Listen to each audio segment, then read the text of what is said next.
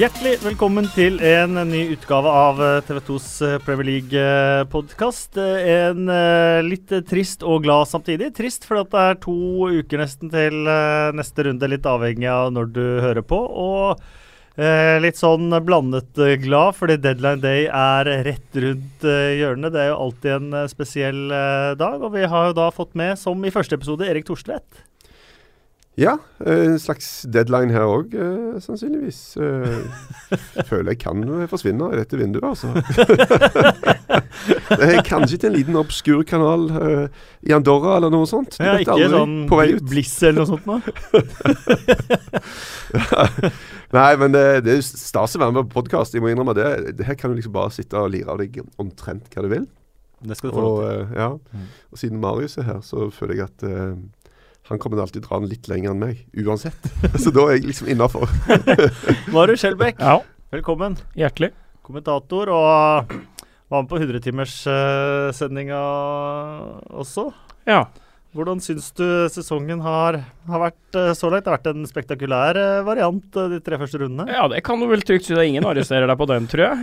Um, åpna jo med et uh, fyrverkeri, da, for å ta i bruk en klisjé. Det var nesten sånn herre Du har sittet hele sommeren og uh, syklistene har sykla seg gjennom Frankrike, og det er noen som har hoppa av noen hekker, og noen som har dill og dall, ikke sant, og gleda deg til, til, start, og så bare sier det Så sier det bare poff, da, så får du alt det du har uh, drømt om. Så Nei, jeg syns det det har vært veldig moro, men også noe skuffende med, med enkelte klubber, syns jeg. Så det vi gjør i dag, da, det er jo å snakke litt om den runden som uh, var. Vi skal jo da dele ut uh, rundens blomsterbukett og kaktus, uh, bl.a., som, vi, uh, som vi pleier. Og så skal vi selvfølgelig ha en ganske stor deadline day-bolk etter hvert, for nå er det ikke så mange timer igjen å spekulere i, så da skal vi unne oss, unne oss det. Men Eh, Liverpool, hvis vi skal begynne eh, på rundens aller største topp, det var jo en fantastisk kamp, da. Ja, altså det er, det er ikke, altså Kanskje har de det høyeste toppnivået av alle. Altså Man City, når de skrur på, da går det unna, altså. Og Man United har jo sett bra ut. Men, men Liverpool, med den farten i angrepsspillet, så er det sånn at du tenker at hm, er det noen som på sitt beste er bedre enn dette her? altså? Så det, og det var jo et sånn uh, greie. Uh, og nå ser vi at de fyller på òg. Og Coutinho blir jo veldig spennende å se. Men de har mange som klager på tynn stall, og dette kommer ikke til å holde i lengden, og forsvaret er for dårlig og sånne ting. Og det, ja, det kan godt være. Men, uh, men dæven, sånn som de spilte nå, altså, det er ikke mange lag i England som kan konkurrere med de greiene der. Altså.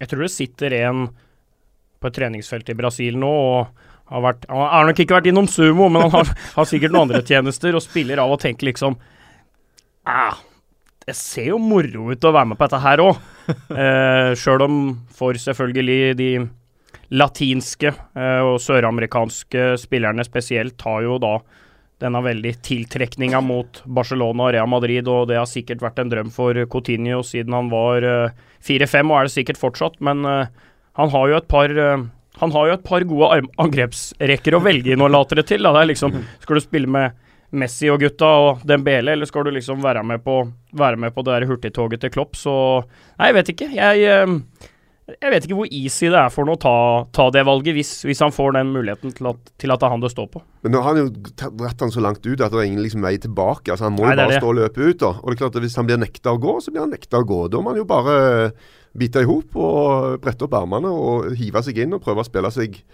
tilbake både i laget og hos fansen på mange måter. Det tror jeg går ganske greit. Fotballfans er ganske eh, kort hukommelse. Ja, så det skal gå ganske fint, det. altså. Men det blir noen veldig, veldig avgjørende eh, dager nå, både for han og for Liverpool. For det er lett å sitte og tenke at herregud, de er så gode likevel. Men vet du hva? Coutinho han kommer de til å få bruk for utover sesongen. altså. Og hvis han forsvinner ut, så er det en solid eh, skudd eh, på feil plass for, for Liverpool. Og det er jo det er en sånn dominoeffekt her òg, som vil oppstå eh, om den eh, overgangen inntreffer. For eh, hvis det ikke skjer, da, så vil jo Barcelona fortsatt sitte med den eh, Nå er det jo vanskelig å si hva dette er, men si røftlig en milliard, da. Hvis den flyttes til Liverpool, da får Liverpool plutselig fryktelig mye penger. Spørsmålet da er jo om om Klopp gjør noe desperat på deadline day, f.eks. Men det blir jo ikke billig, da. Det er jo sånn at de klubba som får en milliard, de ja. må plutselig betale tredobbelt når de skal betale igjen. Og det er jo det som jeg syns har vært veldig sånn uh, fascinerende i, i, det overgangsvinduet her, er jo at uh, rollene er, er, er, litt snudd om, på en måte. For nå er det uh, den beste klubben i verden, da, bare for å Nå er de ikke det, men altså relativt sett, ja, ja. da, Barcelona. Mm. Plutselig er det de som sitter med to milliarder for å ha solgt sin spiller. Vanligvis er det jo omvendt. Det er jo ofte sånn at den beste klubben i verden bruker to milliarder, og så sitter plutselig en klubb à la Napoli eller Juventus eh, med masse penger, og, og, og, så utløses den veien. Så jeg, jeg syns eh, det har liksom rocka veldig i det, i det, vinduet her, tror jeg, da. Og Det gir jo en veldig interessant uh, deadline, uh, det ikke minst. Men hva skal vi si om han om Coutinho som var frisk som en fisk han da han kom til Brasil? ryggskade var, var, Sa han legen at ryggskaden var kommet av stress?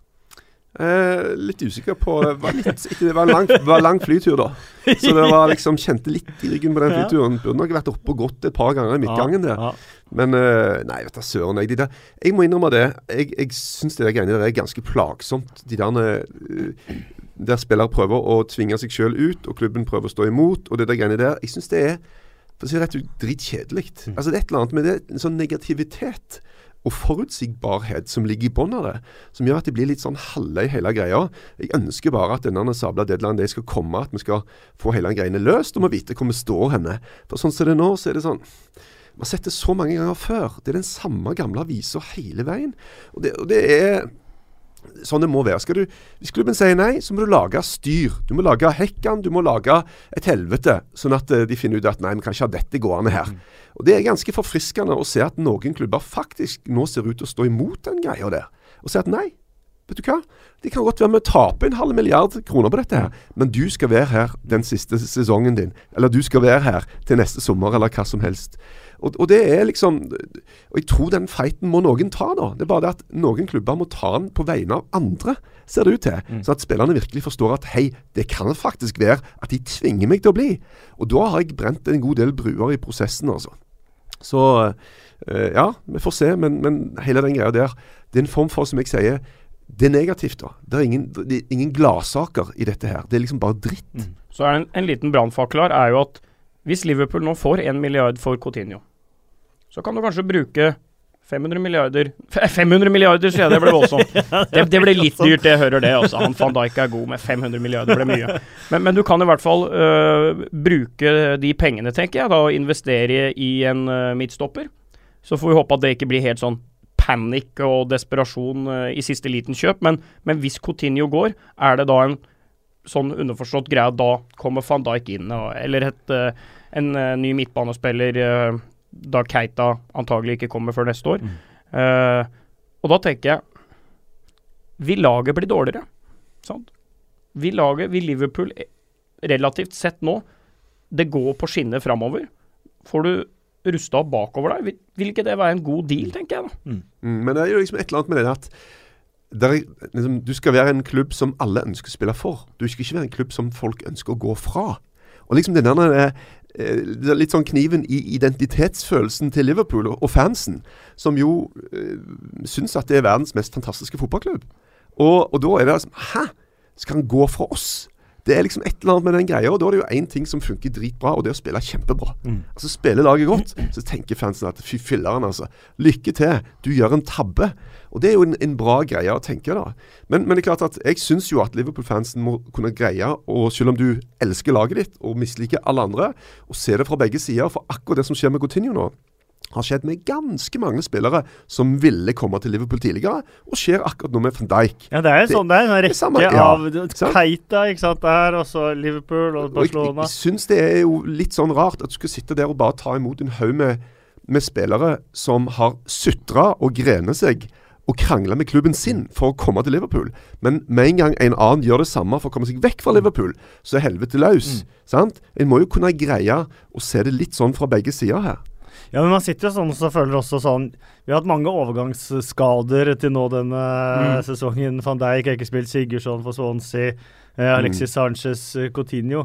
Eh, hvor alle liksom sitter og føler litt sånn sympati. Men så har du den derre Johnny Evans. Satt også på tribuna for West Bromwich eh, ja. nå, fordi at eh, Manchester City vil jo ha han. Og da blir jeg sånn, ja. tenker sånn Ja, det burde han få lov til. Ja. ja. ja den togturen unner vi deg. Her har du billetten. Og, og West Bromwich får liksom ikke så mye sympati i denne her. Han sitter på tribunen og, og sitter ved av, og så tenker man liksom ja, han må jo få den City-overgangen Ja. Vi vil ha det, da. ja, du sa jo Diego Costa òg, men det er jo pga. Kriminal, kriminalitet. Det er jo pga. en criminal act on behalf of Chelsea. Ja, Costa ja, han blir behandlet som en kriminell. Han gjør det, eh, altså. Og jeg syns mitt hjerte går ut til han ja. i den tøffe situasjonen. Nå er det vel sånn at Everton Nå har det vært litt diskusjoner om at Everton skal ha Quanta Costa Cerveza der. Det, det, det, hadde vært eh, Det syns jeg faktisk hadde vært Det hadde vært fett, altså. Ja, Hvis Diego Costa på goodisen, liksom. Hadde nok sett et litt annet Everton-lag ja. på Stanford Bridge ja. nå i helga om Sandro hadde vært bytta ut med Diego Costa på der, altså. Han, og han hadde passa perfekt, perfekt. Perfekt ja. i det laget der. Men det dumme er jo at han ikke hadde fått spilt på Stanford Bridge nå, da. Nei, det I og med at de allerede har vært ja, Det er litt og Den matchen hadde jeg kunne godt tenkt meg å se. Jeg òg. Men i og med at vi var på Liverpool og starta der, ja. så det var den ypperste tin tin tinde, er det det heter, uh, i den runden som var. Men den dypeste dal var jo på andre sida der, da. Vi kan jo Det som på mange måter oppsummerte det meste, og som eh, eh, gir grobunn for spekulasjon, da. Dette gliset til Alexis Sanchez eh, som det så ut som han hadde helt til han så også at kameramannen hadde rettet eh, kameraet bakover mot han da han plutselig fikk en alvorlig mine. Er det eh, tabloider og andre som leser for mye i det, eller hva er det mytteri? Nei, mytteri tror jeg ikke det var, men uh, det er klart, når, når det du mangler er litt sånn i mine øyne oppdragelse, øh, lojalitet og litt sånn guts og fannvoldskhet som du må ha i en fotballklubb, da har du trøbbel. For det, det, får du ikke kjøpt på deadline day, altså. Det får du ikke Det, det må bare oppstå. Og det virker, det virker på meg relativt råttent, hele greia. Mm. Altså, men jeg, jeg, tror ikke det er sånn at spillere uh, tar på seg drakta, uh, går ut på bana og, og, tenker nå skal vi sabotere for treneren vår. Sånn tror jeg ingen, bortimot ingen idrettsutøvere er skrudd sammen. For det jeg, jeg, tror det byr deg så imot å gjøre det. Men gliset til Sanchez der, da? Kan vi tolke han, han det? Han hadde jo samme greia forrige sesong. Det var det òg et eksempel på at han ble tatt i å sitte og, og smile. Det er klart at det kan jo bare være at han som sitter på sida, slenger en eller annen morsom kommentar. Han satt jo ganske mutters aleine der, da. Ja. Nei, det så ikke bra ut, men det er, kanskje det er en liten sånn derre galgenhumoristisk ja, ting som ja, slår inn. Altså, det, det, vi tolker jo alt i verste mening. Ja, og hva gjør vi andre i andre mm. situasjoner? Mm. Sant? Hvis, øh, øh, hvis vi har sittet på sending, og så er det noen som har sagt noe feil, så så kan du jo ta deg sjøl i, i, å glise litt av det. ikke sant? Nå, nå har Vikestad gjort det igjen. Nå, det, nå, går det til helvete nok en gang her. Og så, ikke sant. Ja. Det er jo ikke det at Jeg unner jo ikke deg noe Jeg unner jo ikke deg å på en måte mene feil med straffespark, men det, du kan glise litt av det hvis, ja. hvis det går feil. Definitivt. Eh, så det kan hende det ligger noe der, men at, men at Wenger har sitt å stri med, og at dette her ikke går, at det der prosjektet her nå ser helt dødfødt ut, det er i hvert fall min oppfatning. Det er min oppfatning. Jeg, han, han, skulle gitt seg på Wembley med FA Cup-trofé, ja. men jeg tror han tok to år bare for å eh, liksom sikre ettermælet ettermæle sitt. Og nå er han i ferd med å ødelegge det nesten helt blant sine egne. Ja, Men for meg blir det ikke ødelagt, i hvert fall. Jeg kommer til å tilbe Arsen Wenger som en av fotballgudene til jeg slutter å være interessert i fotball, Definitivt. i hvert fall. Og hvis jeg kunne ha bytta, så hadde jeg sendt alle de derre overbetalte, tatoverte spillere langt unna og stått og sett på at uh, Stått og sett på Wenger aleine, altså, hvis det var det jeg må gjøre. Hvis, hvis Mens han fikler med glidelåsen? Ja, ja, ja. Heller, heller, det, altså. Men, men jeg vet da søren, altså, det er et eller annet som er sånn med, med Arsenal for at det er ingen spillere som får så hard medfart som Arsenals spillere. Punktum. Mm. Altså, det er ingen som avskiltes og slaktes. som, som, og jeg lurer eh, på hvorfor er det sånn? Mm. Hva er greia med jeg, jeg, Kan det ha noe med fotballen de spiller å gjøre, som ses på som litt feminin? Mm. Er, er, det litt sånn at det, den gode gamle engelske greia med brett opp og øh, denne Er det for lite Spiller de for mye? Er det for mange pasninger? Er det for De kan spille seg helt inn i mål? Er det det at, at Wenger ses på som en en, han er ikke en konte som henger i innbytterbenken og rager og feirer med fansen. Han er, er han for uh, for mye skolelærer. Reflekterer hans personlighet på laget. Han, han, har jo endra personlighet voldsomt, han òg.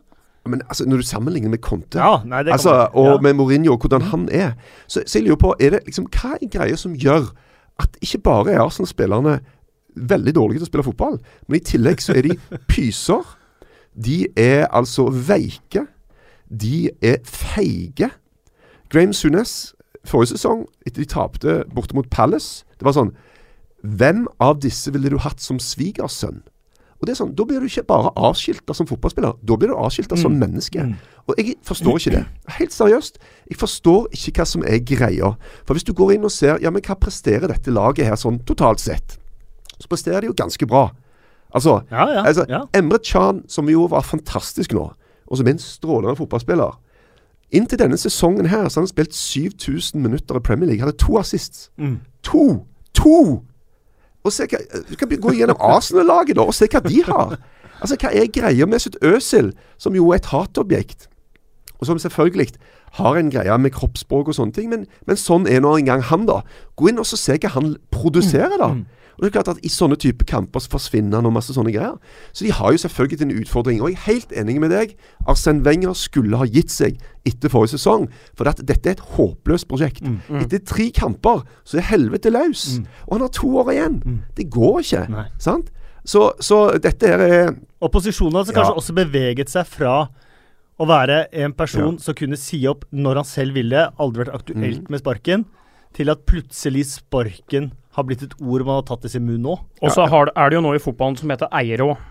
Ikke sant? Det er noen som eier Arsenal, og det, mm. det, har mm. kanskje ikke vært verdens letteste jobb heller. Den, den, jobben uh, For Wenger, han, han, føler jeg har hengt i en, et hårstrå. Altså. Hvis, hvis, hvis topp fire er hodebunnen din, da, så mm. har Wenger i mange, mange år bare hengt i et tynt, tynt hårstrå og, og greid å lose Arsenal til det som Det må jo sies å være en en, en, veldig god prestasjon når du ser også hva den har konkurrert mot. Men så blir det jo litt sånn nå at nå som det er blitt så mye penger i form av eh, TV og merchandise og salg av eh, drakter og spinnere og jeg vet ikke hva i Asia osv., så, videre, så så blir jo faktisk den derre pengegreia med Champions League det blir for meg, eh, og i hvert fall for engelske fotballklubber, et litt sånn der overdrevet aspekt. Mm, nå, men, nå, er jo Champions League blitt en sportslig bragd mm. framfor en økonomisk bragd. Mm. Der det for klubba som konkurrerer mot England, nederlandske klubber, eh, norske klubber, danske klubber osv., osv., er jo Champions League et være eller ikke være. Europaligaen et være eller ikke være. Økonomisk. Mm. Det slipper jo egentlig Arsenal å tenke på. Men, men, men de, han kommer jo til å få det på kjøl igjen. Det er det som er greia. Han får det jo alltid på kjøl igjen. Så jeg husker vi Marius hadde jo en diskusjon ja. forrige sesong, ja. eh, og der, der, jeg sier at det kan jo fortsatt være at han greier topp fire. Og de er jo med i FA-cupen. Og du var bare klokkeklar. Det er totalt sjanseløst. Ja, det var det. Uh, og de, de bomma jo på topp fire, men de var ett poeng bak. Ja, det var det. Og så drar de altså til Wembley. Så slår de Manchester mm. City. Mm. Så møter de Chelsea i finalen, og så er de mye bedre enn Chelsea. Mm. Og de altså de fire siste sesongene så har de tre store trofeer. Mm. Og min klubb, òg fra Nord-London Altså, det er jo 26 år siden eh, de vant en sånn pokal. Altså én sånn pokal. Og den vant du! Og, Arsenal har altså tre av de fire sesongene ja. så har, har, de den pokalen. Og det er klart at fotballfans vil jo gjerne ha alt. De vil at du alltid skal ville alle kampene, og, og sånn og sånn og sånn. Men jeg ser jo òg at det er en form for Wenger er han i stand til å lære. En sånn match som dette her, mot det Liverpool-laget, da må du være mye mye tøffere. Du må være satt opp på en annen måte. Og, og, men, men eh, det er liksom en eller annen greie om at det er, er, lov til bare å ta Arsenal noe så sinnssvakt. Og særlig spillerne, som ikke bare er dårlige fotballspillere, men de usleste menneskene i Nord-Europa totalt sett. men, jo, men jeg, noe av dette kommer jo ut ifra det som er forutsetningene til Arsenal, og hva Arsenal hadde. da. Arsenal var Englands beste lag. Arsenal gikk 49 kamper ubeseira. Arsenal vant ligaen, eller var med i kampen og ligamesterskapet hver eneste sesong. Eh, nå har de et svært, svært stadion, en av de største i England. De holder til i London. Eh, de har alle forutsetninger til å nei, være med nei, og konkurrere. De, ikke, de, er mye, de er kjempelangt bak Man United, Man City og Chelsea. De har økonomiske muskler som er på en helt annen planet enn det Arsenal er. Selv om Arsenal er en av de ti største klubbene i verden, ja, så, er så er det likevel gap opp så sinnssykt. Men oppfatningen, da, er jo der at man har alle forutsetninger til å være med å konkurrere. Man har gjort det før, og man har alle forutsetninger til å gjøre det igjen.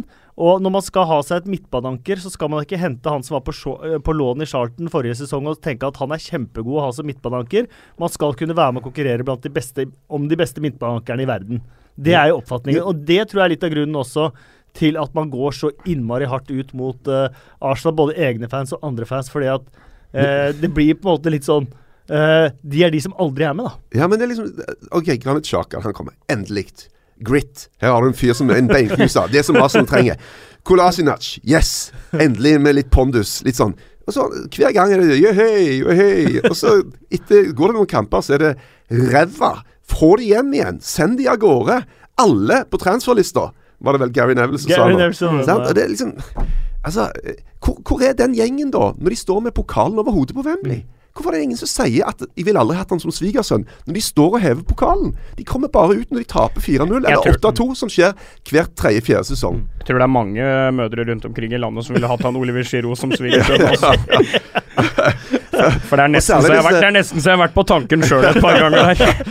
bortsett, bortsett, fra svigerfaren fikk seg jo, og kona fikk seg en smell her for et år eller to siden. Og kanskje ikke ja. stemninga like god, men, Neida, men, du, ser, men, ser men, når han, men, når han, har vært hos barbereren og fått trimma de greiene, så, så, er det, så tilgir dem, vet du.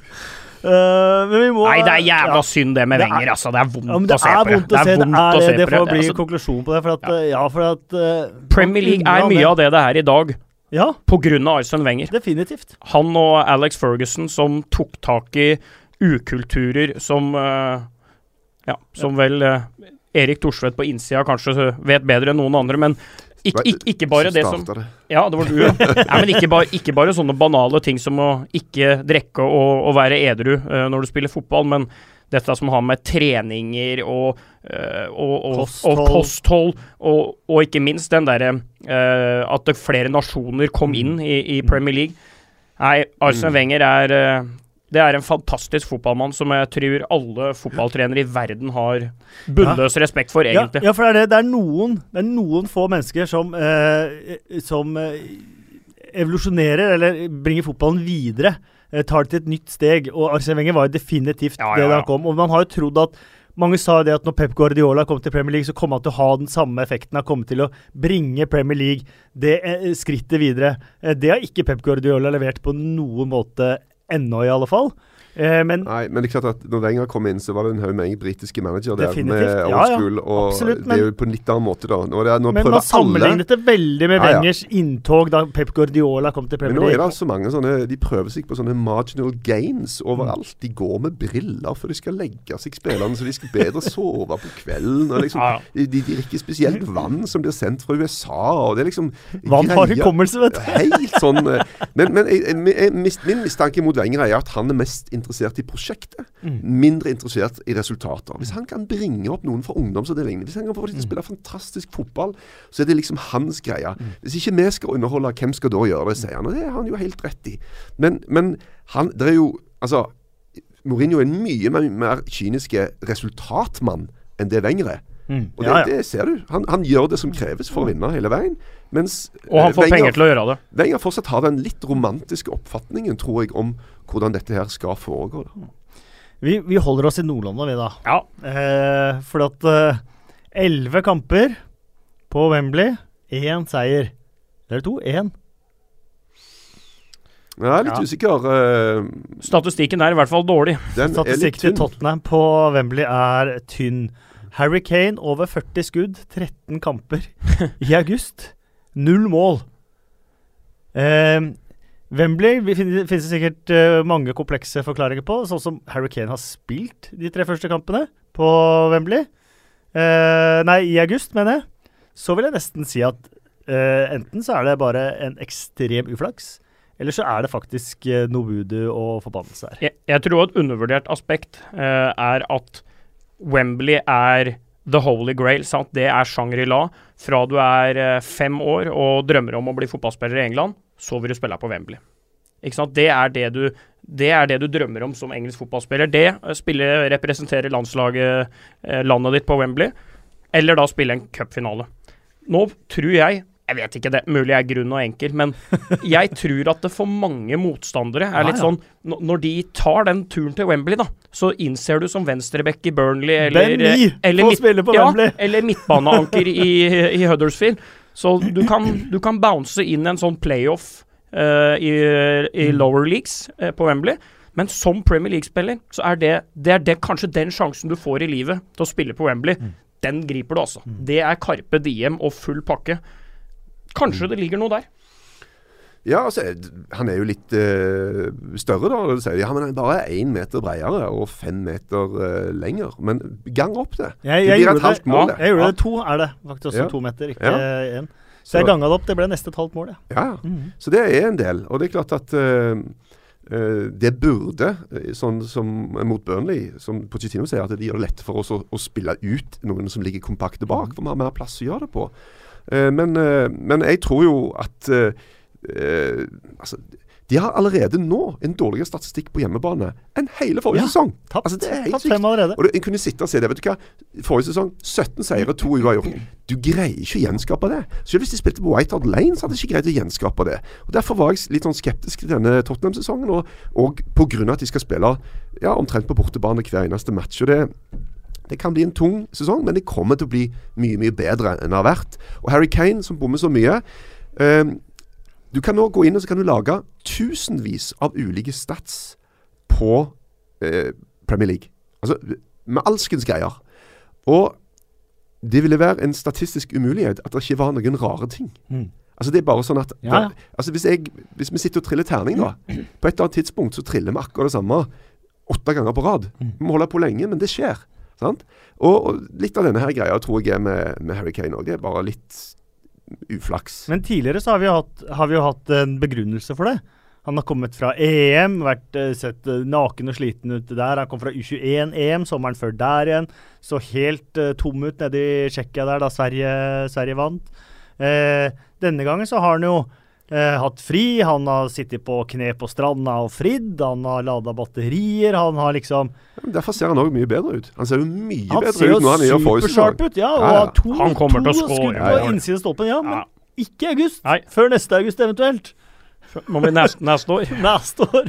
Nei. Men eh, nei, det er rart å se det eh, Det prata man jo litt om i den eh, PL 100-sendinga òg, men hvis Tottenham hadde blitt igjen på White Hart Lane, da tror jeg hadde tippa at de eh, hadde vunnet Jeg også hadde hatt da, det på Da hadde jeg hatt dem på eh, topp. Ja, jeg òg. Det greiene i fjor, det var så rått at ja. men, men det er klart, det blir jo som du sier òg. Det hadde vært vanskelig å gjenskape eh, en så god sesong, men eh, Men Brede har fortalt, og Helle Hangeland, Brede Hangeland har fortalt hvordan det er å spille mot den type Tottenham på det lille White Hart Lane. Han forteller at det er som å bli kvært. mm. At de bare kveler deg helt til du ikke klarer å stå imot mer. For at det går så fort på den lille matta. Og så fort kan ikke angrepsspillet gå på en større matte, er jo, mener jo Hangeland. da. Mm. Ja, det er ulike Sånn er det jo i hockey òg. Det er jo Ja. samme prinsippet, egentlig. Ja, at eh, man, man skulle jo tro at et rink. fantastisk lag uh, kunne dominere når det er europeisk rink, Mm. men det viser seg jo at jo tettere det er, jo fortere, går det, Ja. og jo fortere blir motstanderen utspilt. Mm. Så det, er- det er jo litt den effekten Tottenham og White Hart Lane Mm. hadde på motstanderne sine. For Oilers har en mindre rink, Ja. ikke sant? Jo. Men så ha, å spille i Hamar Olamfi er omtrent som å være i Vikingskipet, ikke sant. Ja. Jeg venter Koss kommer på den sida. uh, vi har jo to Manchester-lag også. Uh, Manchester United. Uh, 10-0 i målforskjell. Ni poeng. Elska jo både spørsmål og svaret Alsaker Mourinho. Det er det cheeky smilet til Ja, ja. Mourinho. Han sier 'håper ingen beskylder oss for å spille defensiv fotball fordi vi ikke slipper inn mål'. Nei, Det har vært eh, ekstremt imponerende. for at Det er lett å kikke seg på litt sånn blind på fjorårets tabell. da, Se hvor mange poeng og hvor mange skåringer og sånn de var bak toppen. Så de greier ikke ta inn så mye. Men altså, du starter jo på null, da. sant? Og det ser jo ut mye bedre ut.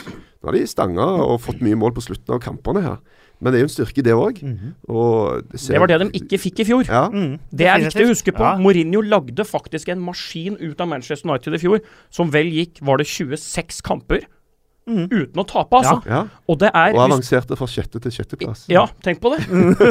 og hvis du ser på mange av disse hjemmekampene, når plutselig Tom Heaton så ut som Edwin van de Sar på sitt beste, og alle disse kampene på Old Trafford United ikke vant Hvis de hadde fått vippa det, ikke sant, to poeng mer der, to Det er- poeng det er- mer. Det det ti kamper. Ikke sant? Ti Mm. kamper på Trafford. Da hadde United, med den flyten, vært helt der oppe i fjor òg. Ja, ja. Men, men det, jeg sier ikke Jeg at det var uflaks. Jeg sier ikke Nei. at det var uflaks. Men um, det er, det er um, Da det løsna mot uh, Swansea, da det løsna nå sist, så er det klart det er, det er den, den type forløsninger og utløsninger Mourinho og Manchester United ikke hadde i fjor. Mm. Ja, for her får du folk som kom innpå og leverer. Ikke sant? Sant? Og det prøvde de jo. Satte jo innpå folk hele veien forrige sesong òg, men det hjalp jo ikke alltid. Så det er et eller annet med denne han er litt sånn Jeg vil, vil kalle det for arroganse. Rett og slett denne liksom følelsen av at de, de ser ut som de bare vet at vi Mm. kommer til å fikse det. Mm. Vi er bedre enn de. Mm. Dette kommer til å ta. Mm. Et eller annet med den der de bare ruller på. Og Det var det Og- som var fair-faktoren på Old Trafford Ja. også i før i tida. Folk kunne forsvare seg i 93 minutter, men da banka Scholes inn vinnermålet i det 94. altså. Og de er tunge nå, United. Mm. De, eh, de, er, eh, de, de, de ser tyngre ut enn motstandere. Se på cornera, Mm. dødballene. Der stiger det altså, der stiger det altså franskmenn med afrikanske gener på til sammen en åtte-ni meter, altså. Og stanger i hjel motstandere. Snitthøyden til Manchester United under Mourinho har jo blitt flere centimeter eh, høyere.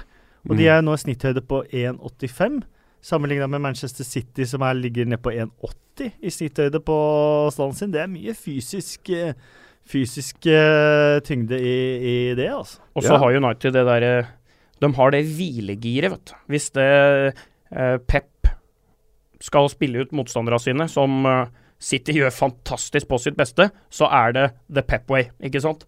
Mens United føler jeg at med også da når Zlatan eh, Når Zlatan blir frisk, kan komme innpå, så kan United slå litt langt, vet du. Hvis, det ikke, hvis ikke spillet helt sitter, hvis eh, Mata ikke har dagen, hvis Pogba ikke har dagen, så kan du i hvert fall OK, da gjør vi det litt annerledes. Nå kelker vi opp litt, og, og så tar vi litt derfra. Det er en, det er en styrke, føler jeg, altså. Så en helt enkel ting som dødball. Sånn, Ja. en Dritenkel greie. Ja. Altså, eh, Chelsea, forrige sesong 22 mål. Man United 7. Mm. Altså, Mm. 15 mål i forskjell. 15 To mål! mål hadde Manchester United på corneret. Ja, Mm. og så, altså Hvor mange poeng er det, da? Mm. 15 skåringer, sånn som det der. Og det er klart at Hvis du bare får fiksa om, på en sånn relativt enkel greie Mye store folk, som dere sier, selvfølgelig skal de dominere på Mm. dødball. Ja. Og, eh, og det er jo eh, Ja, da begynner det å nærme seg. Og Chelsea greier sannsynligvis ikke å opprettholde 22 fordi folk, selv om de har Alonso på frispark, så, så er det lett Altså, Folk ser jo hva de holder på med, og prøver å motvirke. Og så solgte de tross alt en vidunderlig god fotballspiller til Manchester United. Mm. Og heller ikke han er, han er ikke akkurat en dverg, han heller. Men nå har de signert en uh, annen uh, spiller. Jeg, jeg syns jo dette her er vanskelig. og det, det skrev jeg en blogg om, uh, om også. Vi kan jo litt reklame for P Premier League-portalen vår på nett. tv2.no-pl. Vi slenger inn alt fra Premier League. Zlatan Ibrahimovic. Eh, resignert. Du har et, eh, altså et eh, maskineri av et lag som virker å fungere ekstremt bra. Kanskje bedre enn forrige sesong, selv om Zlatan Ibrahimovic var toppskårer og lagets beste spiller. Eh, så har du fått en annen dimensjon med en ny spiss med en erstatter eh, som ikke er kommet for å sitte på benken på noe som helst eh, tidspunkt, vil jeg nesten eh, tro. En som må også spille for å holde seg i, i gang. Lukaku er den, litt den type spiller. Ehm, og så skal du da ha inn Zlatan Ibrahimovic eh, igjen, og han er vel også en spiller som til tross for 35-36 år heller ikke skal sitte altfor mye på benk. Nei, men hvis du ser den gleden uh, han hadde ved å vinne Europaligaen på Friends Arena når han ikke spilte, så ser du at det å vinne og det å kunne ta det Instagram-bildet og si 'da vant jeg denne her', sjekk. Det tror jeg betyr helt vanvittig mye for Zlatan Ibrahimovic. Og han skal ha dette Premier League-trofeet, han nå. For det er det svenske journalister, eh, engelske journalister, verdenspressen hele tida har nagga Zlatan på. Premier League, det fikser du ikke, gutten min. Og, og litt Champions League òg, Ja, det er og der har han muligheten, men den, Ja. Den, den tror jeg er Ja. Den, den, ser litt eh, vanskeligere ut, for å si det sånn. Men eh, han skal ha det der nå. Mm. Og så tror jeg at her må det være en avtale. Altså, Zlatan er helt innforstått med at United har brukt så mye penger på Lukaku. Det er spilleren Mourinho ville ha.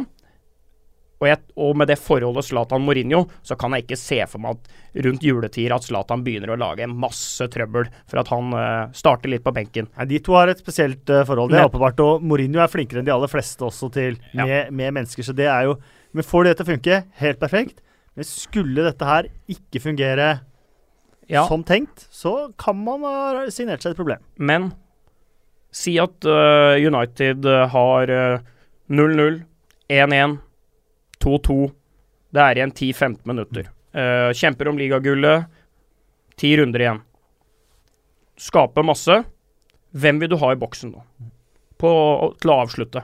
Zlatan er en bedre avslutter enn Romelu Lukaku. Den delen av spillet er det ikke mange i verden som er bedre enn Zlatan på. Nei. Han, med hodet, med venstre, med høyre, med hælen. Var ikke det forrige sesong, altså? Det var, det, var, det var, ganske Nei, det var jo, Han ja, bomma på så mange Ja, jeg er enig i det. Men, og eh, Lukaku overskåra sin expected goals da, ja. ganske kraftig, altså. Mens Zlatan faktisk tror jeg lå under. Mm. Uh, og særlig Han skårer jo en del sånne sykemål, Zlatan. Sånn mm. veldig små sjanser som omtrent bare han kan av en eller annen grunn greie å få i mål. Men så var det de store, da. Og, og særlig når han ble skada, så var han jo nede i Det var, det var, det var helt det var grusomt. Og det er klart at En 36 år gammel fyr som kommer tilbake fra en korsbåndskade, det skal jo veldig mye til at han blir like god som han har vært. For selv en løve kjenner jo når han får et lite sår, altså. Sånn at, uh, men eh, jeg er jo enig på den måten at hvis egoet hans takler dette her, så er det fint. Men hvis egoet, som er like stort som Skåne, sannsynligvis, totalt sett, mm. eh, begynner å slite med at han skal sitte mye og se på, så, så det er mye fin fotball å se på, da. Ja da, det er det, altså. Men det, du har det eh, andre aspektet. og Jeg var jo i, eh, i Washington eh, med Manchester United et par dager i, i sommer og pratet med litt folk sånn rundt, både fra ManU TV og, og sånt som fulgte de rundt. Og de sa var ganske unisont at folk her savner Spillerne savner Zlatan. De savner å ha Zlatan rundt seg. De savner å ha Zlatan i garderoben. De savner å ha han tullende, tullende rundt. Det er et eh, aspekt, det òg. Det er jo mm. det er, det er, Han virker jo som en fantastisk fyr å være rundt. Du har jo møtt den litt sånn på ordentlig tomasson også, Marius. Ja. Um, på hotellrommet hans, faktisk. uh, Ble du med han på rommet? Ja, du skulle bare ha visst. Men, men, det er jo noe med at at en, uh, at en svenske med så mye tatoveringer at du blir helt sånn, med en uh, lengde som blir at du blir helt sånn og muskler og bein og hele den derre presencen. Altså det å uh, Det å liksom stå og ha han tett på, det gjør at du, du får et litt sånn derre Akkurat. Menneskeheten har. Dette har vi altså produsert, altså. Og så da med verdens luneste, lureste kommentar, da. Mm. Um, så ja, det, det, det, skjønner jeg faktisk godt, og det sa de jo veldig i Sverige òg. Mm. At uh, hvordan han endra seg fra da han var en del av et uh, svensk landslag med masse stjerner. Fra Jungberg til Henke Larsson, Zlatan. Da var han uh, nærmest en svulst, ikke sant. Mm. Hvor det blei sånn han og Kim Kjellstrøm krangla, han og Fredrik Jungberg krangla, mens Skaune, ikke sant, altså guttene fra sør, da, Sør-Sverige, Larsson og, og Zlatan greide seg, til å bli den farsfiguren da, mm. eh, under Erik Hamren. Erik Hamren måtte jo reise og møte Zlatan krone han til kaptein, for så å overtale han mm. til å spille på det svenske landslaget. Men klart at det, altså, Så lenge Zlatan egentlig får bestemme det aller meste, så er jo han på laget. Men han med han. Sant? Men spørsmålet er skal du gi en mann så mye makt i et lag? Lagerbäck har jo sagt at det hadde aldri skjedd med meg som trener. Og Det var en av grunnene til da, at det ble mer krangling tidligere, eh, men kanskje bedre resultater. Eh, var at han, han, han, lot han ikke få bukta begge endene, sånn som Erik Hamren gjorde. Og så kan du si ja, men kanskje det var lurt, og hva er lurt og ikke lurt. Men, men eh, eh, det er jo klart at vi sitter her og skryter av Zlatan, men det ligger jo en del eh, videoklipp ute på på YouTube og sånn med han, han sparker ned spillere i hodet, f.eks. Mm. Det er bare å gå og google det. Altså, dette er en mann som, så lenge det går hans vei, så er alt fint. Og hvis det ikke gjør det, så uh, må han sørge for at han er på toppen av kransekaka. Han skal ha ingen over seg. Han skal se ned på alle de andre. Det er bare en sånn greie som går på ære, respekt, hele greia. Og det kan godt være at han har endra seg og er blitt mye, mye bedre. Og Han er jo en fantastisk fotballspiller, og hvis du kan få en sånn til å fungere i gruppa, så er han helt, helt strålende. Men det er hele veien en vurdering å ta i forhold til de tingene jeg snakker om nå. Mm. Hvor langt skal du få lov til å liksom, Hvor mye skal Zlatan bestemme, da? Mourinho Men jeg tror jo, som jeg sa i stad, jeg tror dette her på en eller annen måte er mer avtalt enn det vi vet. Mourinho gambler ikke vekk et ligagull med, å, med å, å, putte egoet til Zlatan inn nå. Dette her dette har de garantert mm. prata om. Mm. I sommer når han har vært på gymmen eh, og, og, vært til behandling og sånn, så har garantert Zlatan signalisert til Mourinho at uh, om jeg blir frisk, om jeg, om jeg er bra, kan jeg, ikke sant? Da kan jeg, kan jeg få være med, da. Mm. Ikke sant? OK, Lukaku, kult da, Mourinho, fint at du henta han, men jeg vil være med, jeg òg. Ja, du kan være med hvis sånn og sånn jeg mistenker det, altså. Det, det, er, det er, for det, det, virker for det virker for uh, banalt hvis, hvis, det skal komme og spille den klubben et puss nå. Det blir, uh, Jeg tipper første gang Lukaku blir bytta ut og Zlatan bytta inn, så blir det mye klemming akkurat på sidelinjen der. Jeg tror det, altså. Ja. Liksom for å vise at vet du hva, vi er buddies, dette er vi sammen om, og mm. ja. Ja, det, jeg vet ikke om dere fikk med deg. Han fikk jo spørsmål om han syntes var den beste spissen i Premier League. Han trakk jo fram eh, Lukaku, han var veldig god, og trakk fram Aguero. Så får spørsmålet Men du nevner ikke deg selv. You don't compare lines to humans. Men eh, vi, uh, vi, vi, kvitterer litt ut uh, Chelsea. Vi har snakka mye om Chelsea her i denne podkasten. Skal vi bare si at de så ut rett og slett litt ut som de gjorde forrige sesong, eller var Everton bare helt sørgelig dårlig? Hvis jeg får si to ord om Everton uh, Husker Bale og Tottenham solgte Elvis og kjøpte Beatles. Det gikk ikke helt sånn. Litt, Everton er litt i samme situasjon nå. Solgt Lukaku og kjøpt en haug av spillere med svært begrensa fart fremover. Og er det noe som har kjennetegna Everton både i angrepsspill og ikke minst i kontrekkspillelse, så er det jo fart. Mm. og du, De så det mot eh, Manchester City med Calvert Lewin, som har masse fart. Han strakk og strakk og strakk i Manchester City. Men det, den, de var like grå som draktene mm. på, på, Stafford Bridge. De hadde ingenting å komme med framover. De, de, de, de har kvitta seg med han som skåra 43% av målet deres. Mm. 43 og Det er ganske heavy, altså. Det skal du uh, erstatte på et eller annet vis når du skal ha to mål på tre kamper. og Det kan godt være at de putter fire neste gang, men uh, det er ikke så enkelt. altså. Skal, du skal erstatte, du skal ha mange gode spillere inn for å, å kompensere for Lukaku. altså. Og Wayne Rooney har jo skåra et par mål, og det er jo helt glimrende. det. Men i lengden eh, Jeg vil bli veldig veldig overraska hvis Wayne Rooney skårer over ti mål denne sesongen. Og så var vi, eh, var vi innom aller første podkasten før sesongen, Erik. Hvem hvem manager får sparken først? Jeg tror i hvert fall vi var to av tre, hvis ikke vi var tre av tre av deg og Simen og meg som sa Frank de Boer. Mm. Og han har allerede vært inne i krisemøte med den sterke mann Steve Parish. Ja, øh, og det men nå må de puste med magen, altså. Etter tre kamper. Nå må de roe seg. De kan ikke begynne å, å rasle med de greiene. De har, fire, de har fire poeng på tre kamper, altså. Er, nei, nei null. Hvem blander vi nå? Å, Palace, ja. Palace. Og Palace, ja. Ja, de har skåra null mål, da. ja, jeg satt, jeg satt, litt med mobilen i min egen verden her. Jeg trodde vi fortsatt var på krisestemninga i Everton igjen. Nei, nei, nei, nei. ja, men, og så er det en sånn, uh, sånn greie som jeg syns er litt sånn, det er sånn typisk. Dette er sånn typisk. Dette henta jeg fra det er vel Telegraph uh, i dag tidlig. Crystal Palace players have privately expressed their reservations about manager Frank de Boer, whose future at the club is in serious doubt. There is, according to one senior player, uncertainty over de Boer's tactics, but also crucially disillusionment over his man management.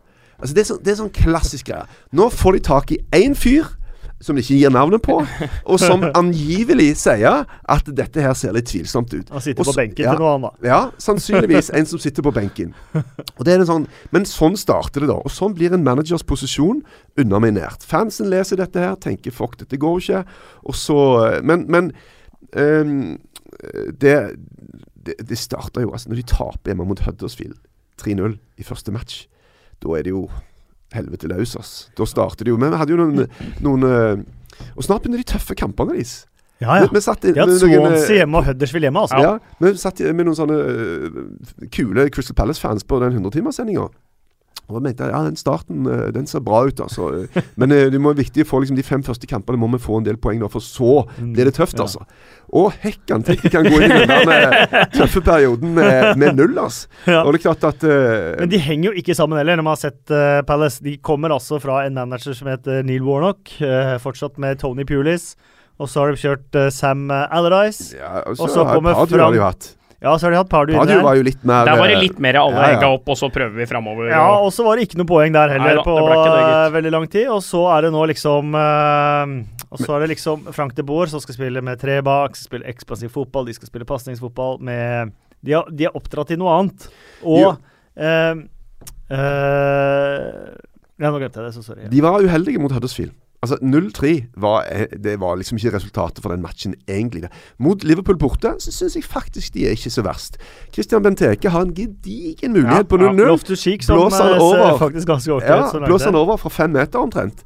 Så marginene her er dritsmå, da. Sant? Så de må bare Nå må de eh, Kanskje begynne å, å, få panikk nå, altså. Men hva, må de bare gi det noe, et par kamper til, så får vi se. oss. Men Hva tenker du om at Allardyce etter kampen mot Liverpool, da Uh, rett ut i media og sier at uh, Frank de Boer endrer på for mye på for kort uh, tid. Han må ja. først overleve, og så kan han begynne å endre, var men, rådet fra Allardyce. Men det er jo opp til Smash da for Sam Allardyce, den ligaåpninga til Crystal Palace der. Det er jo, det, det, er, det er jo helt, helt opplagt at han sier det nå. Og linkes selvfølgelig til jobben etter de Boer, sammen med Roy Hodgson. Ja. ja. Men Jeg kunne tenkt meg Roy igjen nå. Voi. Voi Weiser til uh, Serious Park. Og så er liksom sånn, i denne, Jeg prøvde å lese opp litt fra Telegraph her, og litt lenger ned i artikkelen så står det da Spillerne har reagert kraftig på at uh, De Boer hadde sagt at de var feige uh, i kampen Aha. nå sist. Men greia, det han sa, var at uh, vi må være We have to be braver on the ball. Mm. Han sier at vi må være modigere med ballen. Mm. Vi må tørre å spille. Mm. Og det er ikke det samme som å si at de er feige. Nei, Det er sant? akkurat det jeg prøver å implementere. Ja, ja sant. At de skal så liksom, Du vrir og vender og prøver mm. å få alt greiene til å gå imot. Men, men uh, klart at denne interopplevelsen hans, som varte vel i 85 14 kamper. Ja, noe sånt, mm. Den kom jo tilbake og treffer han midt mm. i trynet, da. Mm. Han får ikke 14 kamper i Palace. Nei, ikke hvis de står med null mål eh, og null skåringer etter 13. Da tror jeg han ryker. Altså. Men spørsmål, spørsmålet er om det kanskje er en som heter Slaven Bilic som ryker før Ja, det var, det, det var min neste spørsmål. Mm. Eh, dere skal slippe å ha håndsopprekning, for det er veldig vanskelig å høre på, på øret. Men hvem får sparken først? Jeg sier det Boy. Da må jo jeg si uh, Slaven, jeg, ja, altså. Ja, de lever Men, men, men slaven er farlig, begge to, for å si det sånn. Men slaven har jo Han, han har jo han Nå har han fått ekstra kamper, nå. Han var også liksom i møte, men det der møtet få ekstra kamper, det er ofte ikke ekstra kamper, det. Altså. Men han får jo VM i friidrett midt i trynet, da. Ja. Altså, jo, han, spiller jo bare på bortebane. Ja. Og det å vinne en kamp på bortebane i Premier League er kjempevanskelig. Mm. Nesten uansett hvem du spiller mot. Mange ganger var det sånn jeg tenkte at eh, når du ser på lag som har dårlig eh, bortestatistikk, så har jeg liksom tenkt at herregud altså, Selv om du nesten ikke prøver engang, så vinner de jo noen kamper nesten bare sånn litt på flaks, da. Men så har jeg gått litt inn i den greia og tenkt at nei, det, du gjør ikke det. Nei. I Premier League er det så jæklig tøft at, at det å bare vinne en bortekamp er vanskelig, altså. Så, så, du må liksom tenke det at vet du hva, de har ennå ikke spilt hjemme, og, og han må i hvert fall få litt mer tid. Men det der med å Men, få lov til å hente Dette fortsetter jo fra forrige sesong. Ja, og det med å få hente mange bra spillere er jo et tveegget sverd. På den måten at yes, nå bruker vi penger, nå får vi inn masse spillere. Og så taper vi alle kampene likevel. Mm. Det, da blir det som var positivt, snudd til noe som er dritnegativt. Og de gjengen på toppen som har brukt alle disse pengene og gitt det til manageren og sier OK, gå ut og hent de du vil ha. Og når du da får ingen resultater i det hele tatt, så blir det Da blir han forbanna, altså. Men det er jo det, er jo det kjempedilemmaet Crystal Palace egentlig er oppi allerede. For nå vil jo De Boer bruke masse penger på, på spillere. Ja. Eh, José Font var den siste jeg så eh, linka. Det, eh, Sacco, du har masse spillere som han vil ha. Skal man da si dette de Borgerne, dette har vi tro på. Bruk ja, ja. alle pengene våre. Eller, eh, eller, er det sånn at da holder vi igjen, sparker, se hva vi får gjort i januar, eller Det er jo et kjempedilemma alle veier. De ansatte Dougie Friedman som sportsdirektør, da, for kanskje å løse dette litt. Og Ridevald heter han vel, han eh, midtstopperen som han tok med henta mm. fra, fra, Ajax, som var vel ute på i første match mot Huddersfield. Mm. Og siden har vi vel kanskje ikke sett han, har vi det? Han var ikke med i match nummer to, i hvert fall.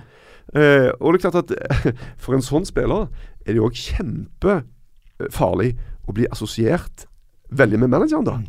Og særlig når du blir eh, knust av han Monier i et par dueller mot Huddersfield, og, og ble baklengsmål på det. Så, eh, og, og, så kan du si at ja, men da har jo han vist at noen av de spillerne han da vil bruke penger på, de mm. holder ikke mål. Mm. Så enormt dilemma for uh, Hvem vil eie en fotballklubb? Ja. Folk tror det skal være superstas. Uansett, i fire-fem tilfeller så får du bare drit. Ja, jeg hadde valgt å gjøre det. Ja, Selv om Parish, den gjengen der i Palace, da, har jo virkelig De har gjort ekstremt mye bra, altså. Og eh, det må du virkelig beundre, mye av det de har greid å få mm. til. Eh, da har vi kommet til å dele ut eh, rundens eh, blomsterbukett fra den Du vet hva, jeg har bare lyst til å si to ord eh, før eh, vi må innom Stirlings røde kort. Ja, altså det, det, som er, det som er litt vrient, syns jeg, er jo at reglene her er jo klare. Det vet spillere. Mm. Og så er det det med den euforien som utløses av et mål i det 97. minutt. Da tror jeg ikke akkurat at Stirling Jeg mistenker ikke han for å tenke på den der, eh, på paragrafer, eh, verken til frokost eller til kvelds, men jeg tror jo òg at da glemmer du alt. ikke sant? Det blir bare en sånn Du spurter til fansen, og du feirer og jubler, og det er liksom glede. Dette betyr noe for byen, det betyr noe for supporterne, det betyr noe for deg sjøl, ikke minst. Og så er det jo også det at det er en grunn til at regla er der. Og det beviser vel Aguero og vakta sekunder etterpå. Nettopp. Og da, det, er, det er jo derfor det er. Det er jo ingen som uh, har designa det regelverket her med den hensikt at vi skal ikke ha glede og nærhet mellom spillere og fansen det er jo fordi at vi ikke skal ha panisk oppførsel. Vi vil ikke ha eh, arrestasjoner. Vi vil ikke miste kontrollen på tribuna og spillere. Og hva kan eh, spillere gjøre når de får folk over seg, osv. Og, så mm. og så er det jo bare da så forbanna typisk at han har et gult fra før. Mm. Men uh, greia her er jo at han uh, Altså, folk kommer jo inn de kommer jo innenfor gjerdet. Mm. mm. Det er jo det som er litt sånn forvirrende her. For du kan si at ja, du har ikke lov til å hive deg inn blant publikum på tribunen, men publikum kommer jo til han. Mm. Og da er spørsmålet ja, men hvor, hva skal han gjøre da? Skal han holde fem meter avstand uansett, eller? Så det er det som syns jeg er litt sånn uh, Ja, hvordan vurderer dommeren dette? Men det, det, er jo kaos, da. Det er jo fullstendig kaos. kaos. Og de der vaktene her, ja. får jeg bare lov å si det? Måten de behandla, eller manhandla folk der, ja, og at han vakta har frekkhetens nådegave mm. til å sitte sammen med to andre vakter og prøve å brekke arma på en fyr, og så anklage ja, ja. Aguero for overfall. Ja, det etter at han, han, han gjorde første utslag mot Aguero. Aguero dytter under armen hans, og så har han altså han har altså nerver nok til å anklage Aguero for en overfall etterpå. Jeg synes altså, Hva slags menneske er denne fyren her? Ja, Men øh, det kan godt være at han er grei. Ja, det kan godt være at han er grei, men, og det kan godt hende at han var fryktelig stressa i situasjonen, og at det får han liksom litt ut av balanse. Mm. Eh, men han får min kaktus, da. Jeg har bestemt meg for at denne uskyldige funksjonæren skal få ukas kaktus fra meg. For at, da er liksom OK, her har vi five seconds in uh, of fame. Her kan jeg liksom få en sjanse til å så jeg uh, se at han slo meg. Uh, og Kanskje kommer det senere noen videoklipp av å se at Aguera står og dundrer løs på fyren, men jeg tviler på det. Og den greia der Han altså, laga, ja, ja, for han trakk jo anklagen idet ja. videobildene kom. Ja. Han satt jo der og håpa at det aldri kom ja, videobilder. han der tror jeg har vært en bedriten fyr hele livet. Han der er sånn som har eh, Ja, det tror jeg. Det han, finnes ikke ja, folk i Nei, Han er sånn som når, når klassen hans skulle ha fest, så meldte han seg til å være vakt. Og der sto han og sneik han seg rundt, og hvis han så noen tok litt vin og sånn, så rapporterte han til lærere og sånn. Dette er en ja. møkkamann. Har du hørt? Runden kaktus til han. Ja, soleklart. Ja, Med potte. Definitivt. Ja. Så, og, så, og da, da var Miguel Britos heldig her, altså. Ja, ja, ja det var det. Saved by the moron. ja. Uh, kan, vi... Nei, det er Aguero-greit. Det er jeg helt enig ja. med deg Det er så irriterende ja. at det ja. går an. Men jeg, må bare, jeg, jeg, var med en gang uh, når det var banestorming på uh, gamle Main Road på City. Der altså, virkelig kom folk strømmende ut. og en som sparka meg i ræva, og han ble tiltalt og måtte, måtte møte i retten. Og, og, men da, da tok altså politiet og drog folk inn i gangen og bare banka ja. de noe så sykt. Man gjør det med ja, ja, banestormere. Det var virkelig heavy, altså. Mm. Så, eh, men han skrev brev til meg, han som sparka meg i ræva, da. Og ba om unnskyldning og Så var han så utrolig liten, så jeg fikk liksom tak i han og bare liksom sto og holdt han med liksom strak arm ut fra kroppen mens han sto og dundra løs og prøvde å få tak i meg. Og var ikke i nærheten av å greie det. Er det én ting du skal vite som banestormer, så er det ikke gå til skalla norske keepere. Ja, ja, ja. Generelt ikke Generelt, gå til keepere! Ja, ja. ja, du tenkte Frode Olsson. ja. Og der var det ikke han som fikk seg et spark i ræva. Det, var, det var jo takling. Ja. Uh, blomsterbukett. Det var jo mye bra i, i helga også. Jeg sitter liksom litt sånn med han Mohammed Salah. Ja. ja. Nå skal jeg slå et slag for Nå skal jeg gi en sånn rar blomsterbukett. Ja, som er bare sånn det er det vi uh, Simon Mignolet. Altså, plutselig sånn altså, Hæ? Plutselig bare satt ut av laget. Skal hvile han rett før en landslagspause? Ikke bare rett før en landslagspause, men rett før landskamper han skal sitte på benken. Ja, ja. altså sånn eh, Og da er det sånn eh, OK, jeg har sittet noen kamper der sjøl. Det er ikke superstas. Han var ikke i troppen engang. Altså, det er bare sånn Hæ? Så eh, bare som en liten trøst kan han få med seg en blomsterbukett til landskampene. For han har jo vært bra. og han er Kroppsherren er jo our undisputed number one. Mm. Altså, hva? Nei, Det forsto jeg ingenting av. Men jeg, jeg, jeg, har en liten mistanke om at han egentlig vil at Karius skal spille, da. Mm. Og Han prøvde jo å kjøre han inn forrige sesong. Funka dårlig, men han tenker at ja, men i lengden så vil jeg ha han inn, da. Mm. Og kanskje er det et sånt steg på veien for å greie å smyge han inn på et eller annet vis. Men uh, det var bare sånn forsto ingenting. Kan jeg få gi en blomst òg, da? Ja. Eller en bukett skal man gi. Ja. Det passer egentlig fint. For uh, litt sånn uh, kontroversiell, og litt fordi jeg er glad for det landet jeg kommer fra, og Gleder meg litt til landskamper. Jeg skal gi en blomsterkvast til Joshua King. Det er så fortjent. For, ja, for King syns jeg var dritgod. Fantastisk Og det der at uh, alle mente at han greier ikke å følge opp den uh, sesongen han hadde i fjor og alt det der. Det blir litt sånn uh, som du har prata med statistikk og at tilfeldigheter inntreffer. Det skal jo mye til om man leverer det antall mål også i år. Men han var outstanding i kampene mot Manchester City i fjor. Høsta masse skryt fra Pep, som mente at dette er en top, top mm. Og det viste han nå mot Pep igjen. Jeg syns Joshua King var Jeg synes han var dødsgod, altså. Til å binde opp forsvar, utfordre, vende, fart, eksplosivitet. Uh, hadde et uh, skudd med venstre, mm. som han aldri scorer med, ja. i, uh, i, stanga der. Og så, i og med at det er en bukett, så kommer jeg til å skrive på i kortet at du må i hvert fall dele Du må i hvert fall gi bort en av blomstene dine til Daniels.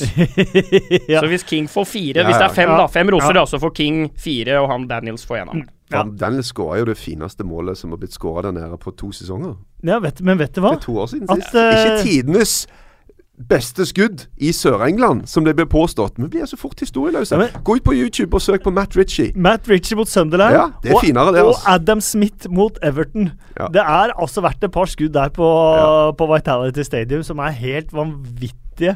Eh, mm. De to, med Daniels der, så er det jo Og Daniels han har sikkert uh, sett litt opp til deg. vet du, Han er Tottenham-fan. Han er det. De har litt folk, Tottenham, eks-Tottenham-folk i den, men han er bra, altså. De, men hans familie er delt.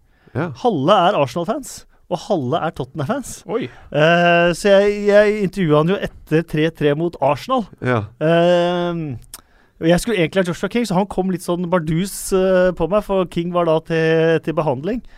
men da visste jeg jo det, heldigvis. Ja. Så jeg fikk spurt ham liksom, åssen har det vært på tekstmeldingsfronten nå med scoring mot Arsenal og familien delt. Han sa det hadde kokt, kokt bra fra, fra begge, begge leire. ja, nei, det var Jeg syns jeg syns Bournemouth var gode altså, mm. i den kampen. Det, um, det, er klart, City var jo enda bedre. De, de spilte jo ball i hatt med, med Bournemouth der en 20-25 mm. minutters periode spesielt. Men uh, det Bournemouth-laget der tror jeg blir bra. Det syns det er bra, bra stopperspill uh, ofte. King skaper ting på egen hånd.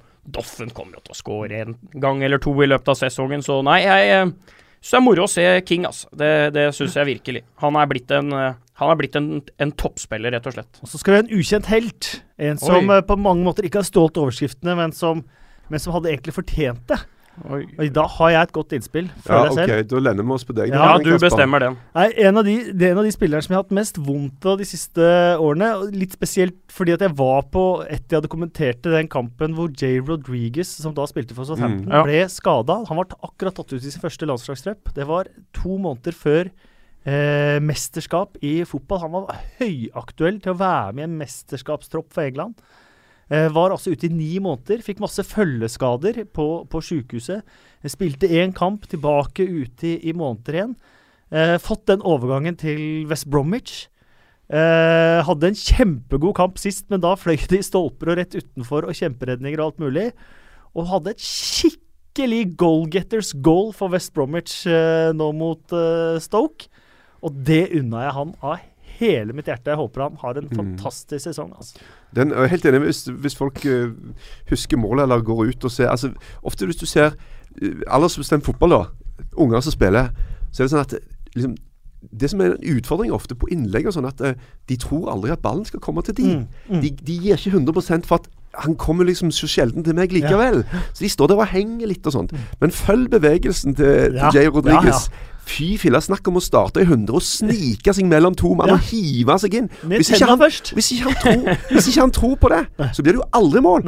Hvis ikke han har sjanse på at den ballen kommer der, og greier å smyge seg mellom de to, og, og gjør det bedre enn de to andre, så skårer han ikke det målet. Så det er et dritbra mål for mange å studere. Mm. Sånn skal du gjøre det. Altså. Pål Jacobsen sa vel det at uh, du, er du en god spiss, så skal du være skada et par måneder i året. Ja. Du, du, skal ha noe Var ikke det Iversen? Jeg tror det var Iversen. Ja, det var, ja, det var kanskje Odiversen som, som sa det, og så er det Pål Jacobsen som har fortalt meg det. Det er sånn. Men de, vi kan vel si det sånn, de var relativt gærne begge to. Ja. uh, ja, uh, det var Jay Rodriguez. Så skal vi selvfølgelig ha uh, min favorittperson. Er jo Bill Edgar i The Times. Mm -hmm. han presenterte her sist. Han, hver mandag så har han sin egen lille private gjennomgang.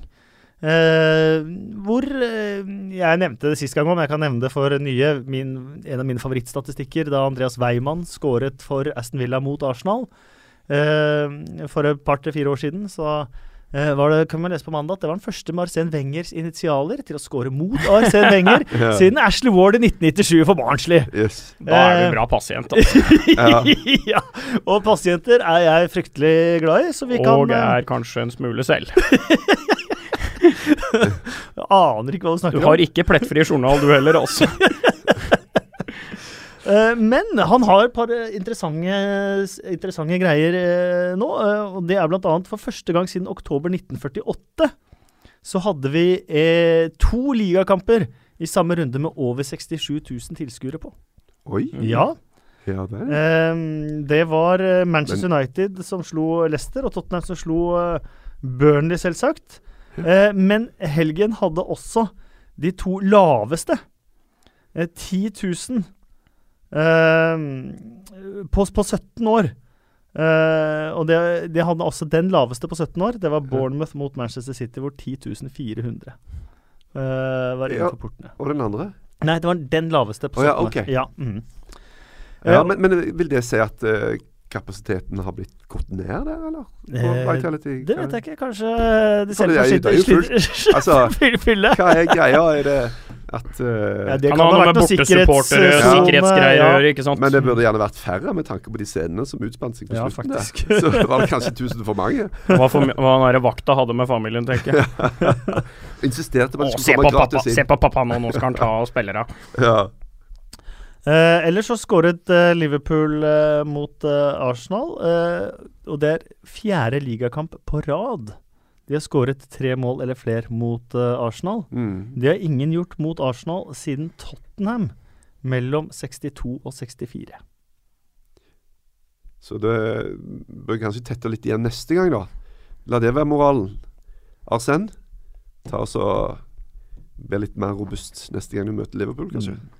Skal vi bare ta med sånn Dette er en veldig sånn typisk uh, Bill Edgar-statistikk som jeg egentlig ikke syns er så morsom, og som ikke kan uh, oversettes, så jeg skal lese den på engelsk. Swansea's van broke down, but the double A saw them home. Van der Horn suffered injury, but Ayu and Abraham scored in their 2-0 win over Crystal Palace. Frank de Boer of Palace is the first manager to see his team lose their first three Ja, den kan faktisk oversettes. Han er den første manageren til å tape sine tre første kamper i Premier League uten å skåre, siden Kevin Ball for Sunderland i 2006. Wow. Mm. Så det var litt fun facts. Um, det er deadline day nå rett rundt hjørnet. Forventninger. Hvem trenger hva? Everton trenger spiss, i hvert fall, hvis de skal uh, være der Everton trenger spiss. Det Everton trenger spiss, det er jeg 100 enig i. Ja, Sandro er ikke spissen til Nei. å skåre ja, ja, altfor okay. mange mål. Det Nei, det sitter jeg med følelse av. Det, det har han på en måte Det er liksom slått fast. At nå, Det kan han bare glemme. Jeg, jeg føler det. Ja. etter det jeg har sett av Sandro nå, og egentlig litt eh, tidligere, og egentlig også i uh, U21-EM i, uh, i, sommer. Hvor jeg syns han også Han så ut sånn som han ser ut litt for Everton nå, da. Men det er jo en utrolig dårlig posisjon å være i. Nå, mm. kun få dager igjen. Vi må ha en spiss, mm. og en spiss som skal gå inn og dominere og være bra i Premier League. Mm. Lykke til, sier jeg bare. All the best. det, og igjen, selv om, selv om jeg vet dere syns dette er superstas og elsker Jeg sa at jeg syns det er dritkjedelig med de der folka som prøver å presse seg vekk fra klubbene sine, og hele den standoffen som kommer fra det. Men dette er ikke politisk korrekt å si, i hvert fall ikke i denne forsamlingen. Men jeg syns hele det der overgangsgreiene og deadline day-greiene er bitte litt sånn Vis meg lista når alt er klart. La meg få se hva mm. det ble. 19 av 20 greier blir aldri noe av. Det er bare rør. Sant? Og, og, liksom, det kan være gøy å spekulere og sånne ting, men jeg føler mange fotballfans òg er sånn at nå må vi kjøpe noen spillere. Hvem skal vi kjøpe? Og liksom det der med å jobbe med det du har på treningsfeltet, komponere laget på en bra måte, drive med teamutvikling, teambuilding liksom det er liksom sånn totalt er sånn irrelevant. Mm. Altså For meg er det det viktigste. Mm. Og derfor er jeg litt sånn jeg har litt sånn blanda følelser. Jeg syns det er dritshow å se at, og virkelig gå inn og se de som kom, og de som dro. Hva ble det av disse greiene her?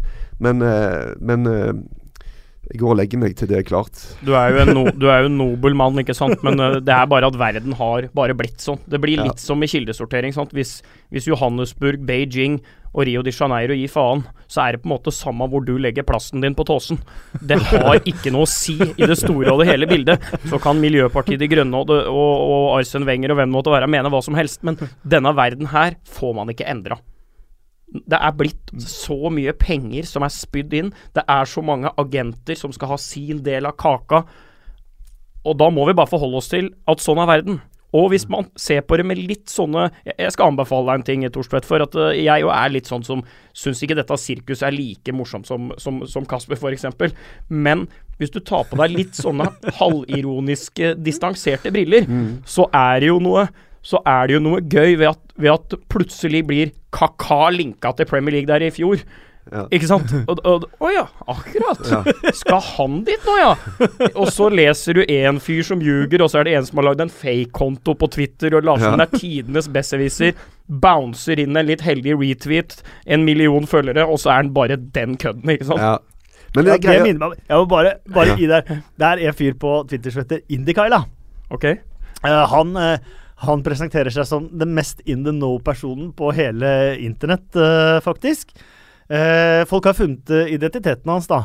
Uh, han jobber på KFC i Leicester. Han er 23 år gammel. han har fortsatt 250 000 følgere eller sånn på, på Twitter. Uh, og han, eh, og han er også sånn Ja, nå kontoret vårt får meldinger om ditt, og kontoret vårt får meldinger om uh, datt, og han sletter gamle tweets, og han henter fram tweets der han eh, blinde høna har funnet korn, da. Uh, uh, og i går så hadde han altså en tweet. Norwegian TV companies ringing us for info. Go away! så jeg måtte spørre han om hvilket TV-selskap TV dette gjaldt, da. Ja. men jeg fikk ikke, noe, fikk ikke noe svar. Men hvis, hvis, det finnes folk som følger Indikaila News fordi at de tror at han er in the know, ja. så heter han Nå husker jeg ikke faktisk hva han heter, men eh, de finner bilder av han, og han jobber på KFC i Leicester. Veldig fin hatt når han er på jobb. Veldig fin hatt når han er, eh, når han er på, men liksom, jobb. Noen greier som jeg tror folk må være klar over, er at eh, når det gjelder eh, transfervinduet, bla, bla, bla Godt over 50% av alle kjøp er klart mislykka. Mm. Altså godt over 50% blir det aldri noe av. Altså blir det aldri noe bra av. De, de presterer ikke, de kommer ikke på laget. Gå inn og se folk, den omløpshastigheten på så mange av disse spillerne. da. Mm. Kom inn og forsvinn ut igjen. Bare tull. Har ikke blitt noe av. Så, så det må vite at det å kjøpe Oi, vi har fått han, han og han. Det er bare Ok, det er første steget, da. Så skal du få det til å funke, da. som du sier med Ramires, da. På topp for, uh, for Everton. Sant? Uh, ja, nei, det gikk ikke. Og Det kan slå fast etter tre kamper. Se den han tilbake. Ja. Men, men, ja, men, ja, man kan ikke slå det fast, men, men, når man har hatt en så enorm skikkelse på topp, da mm. eh, Og så kommer det altså eh, en midtbane som beveger seg som om de løper ikke på flotte kunstgressbaner, men som i gjørme. Eh, og så har du en sånn fyr da som blir bundet opp på to eller tre midtstoppere. Eh, Lukaku kunne riste litt på skuldra, han, som var i hvert fall kvitt én eh, eller to av dem. Eh, og så kunne han løpe fra han tredje. Ja.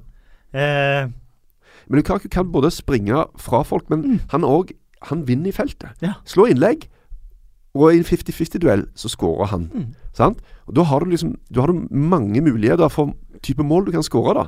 På, på, så, så eh, kontringsmål og ditt og datt. Rett og slett bare ren muskelkraft én mm. mot én. Mm. Der han bare rett og slett bruker muskelen til å gå forbi en fyr, til å drible han av. Eller som jeg sier, innlegg. Så det er ikke lett å erstatte de greiene der. Altså, har jo Koman eh, gjort et godt forsøk. Han har jo handla enormt mye. Um, Barkley blir jo en Skal jeg gå innrømme, det blir faktisk litt sånn Ross Barkley som var det, mm. et av de store engelske mm. håpene her på et tidspunkt. Og nå er han litt sånn litt i limbo. Hva mm. skjer med han egentlig? Han havna litt sånn i Wilshire Gate, han. Ja. Ja, og, og, og, og, det han tjener nå Ikke sant? Ingen vil bruke det, og folk har begynt å stille spørsmål er han så god. Kan han bli ja. så god? Um, Wilshere er jo én eh, ting òg. Ett år igjen av, uh, av kontrakten. Um, og så var det en uh, Ja, Arsenal, selvfølgelig. Ja. Vi har sett, vi har sett Arsenal Wenger ha panikk på deadline der før. Mm. Da kom det fem mann inn, ja. bl.a. André Santos. Og man føler jo litt at man begynner å bevege seg i det farvannet der for uh, Wenger nå.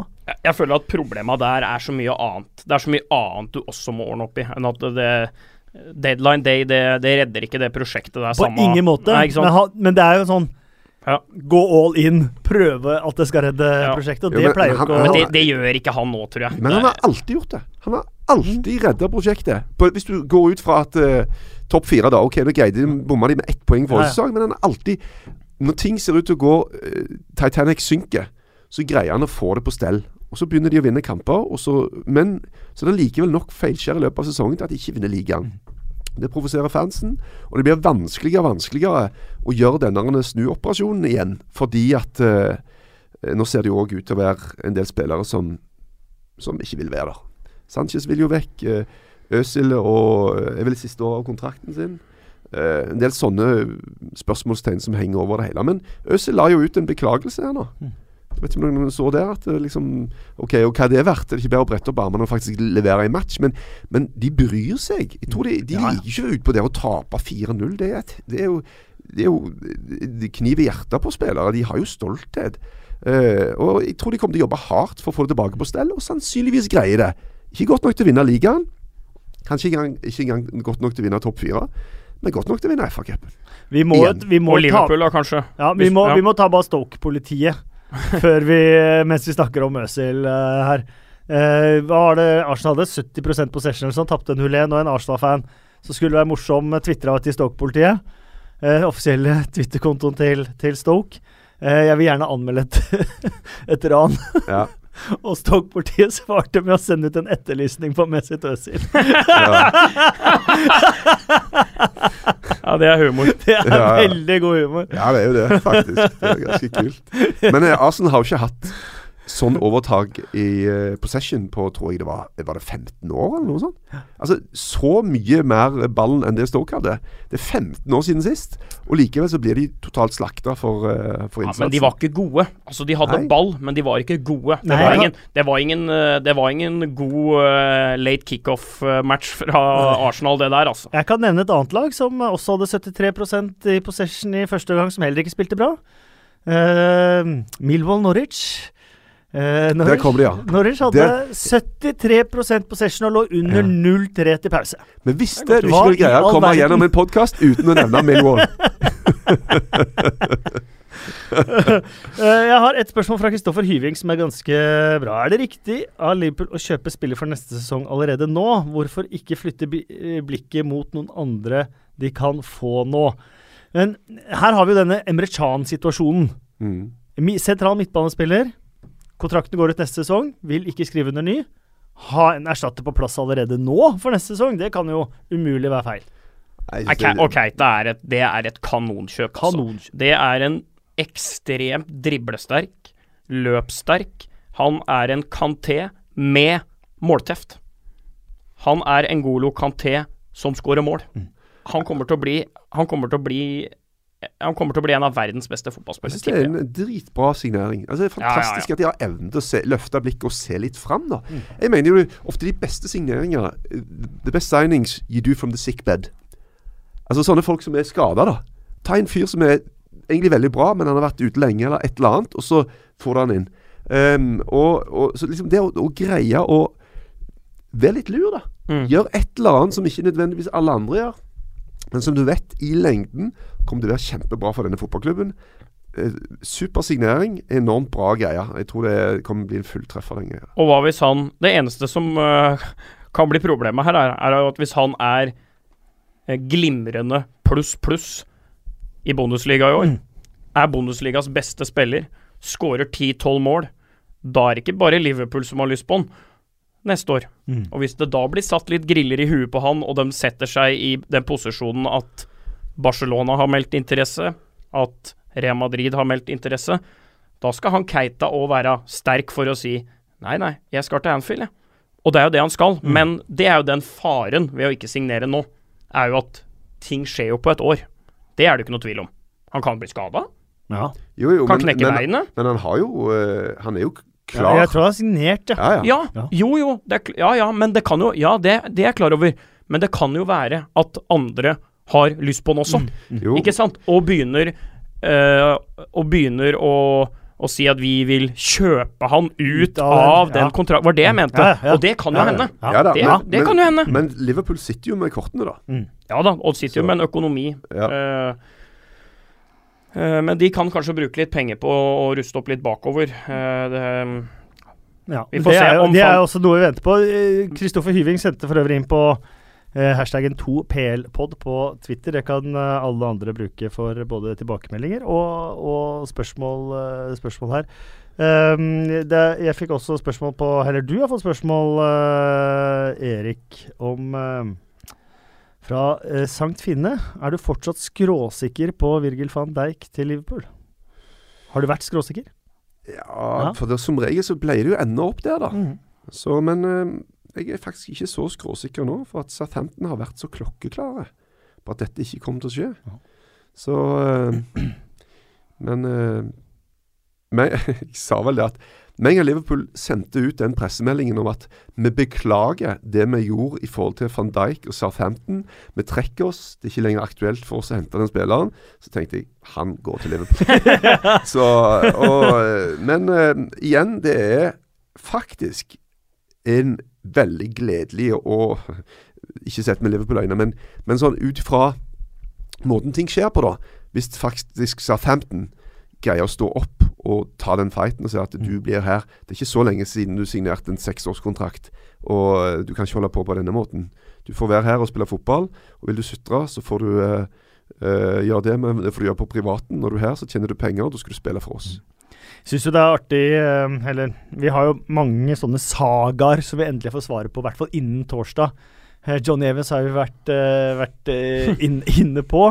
Uh, helt sprøtt å si at plutselig Johnny Evans skal være verdt 40 millioner pund. Det går ikke an å forholde seg til penger lenger. Men man kan også skjønne tankegangen til Manchester City for å få denne fjerde stopperen som de føler de ikke har. Men må jeg ha et lite ord om Men Mangala er jo tilbake. Hæ? Han var jo verdens dyreste forsvarer på et tidspunkt. Mangala. Ja, ja Mangala er på benkeplassen. Var ikke han den dyreste stopperen i verden på et tidspunkt? Jo da, og Stones Otamendi har jo vært verdens dyreste ja. stopperpar. Ja, og så Company spiller jo hver gang. og så det blir vel Mangala, den femte stopperen. Men Mangala er jo en av de man ikke har klart å selge, da. Ja. Det har jeg vært inne på tidligere òg, at Manchester City som eh, i Det har aldri vært mer selgers marked enn denne sommeren her. Og Manchester City har verken klart å selge eller få penger for mm. spillerne de har ønska å selge. Det er en ganske mm. spesiell situasjon, uh, situasjon uh, det òg. Men hvis vi er på West Bromwich, så er Gareth Barry nå. På sentrale midtbanen til West Bromwich. Jeg syns det er artig, altså. Så er det sånn, så, så litt sånn pris, altså sånn én million pund. Så, tenkte sånn Kunne ikke bare latt han gå gratis, da? Nei, nei, vet du hva, vi skal ha en million pund. Skal ha en Trevor Francis for ja, den. Ja, ja. Klart at det er jo uh,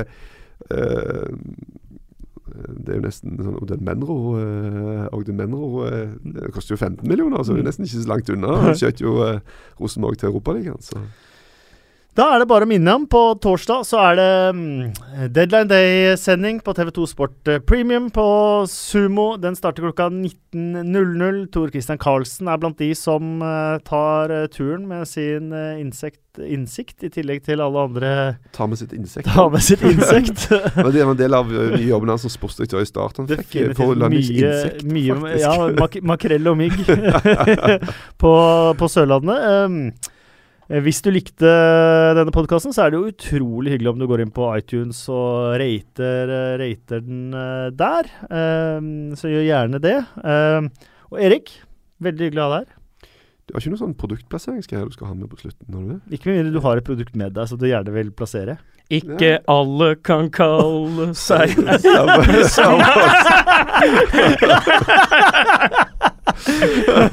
Dette programmet inneholder produktplassering.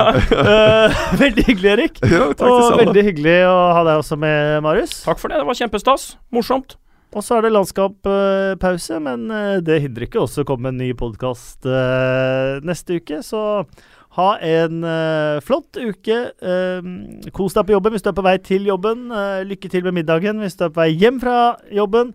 Og som sagt, deadline day på torsdag. Det gleder vi oss til.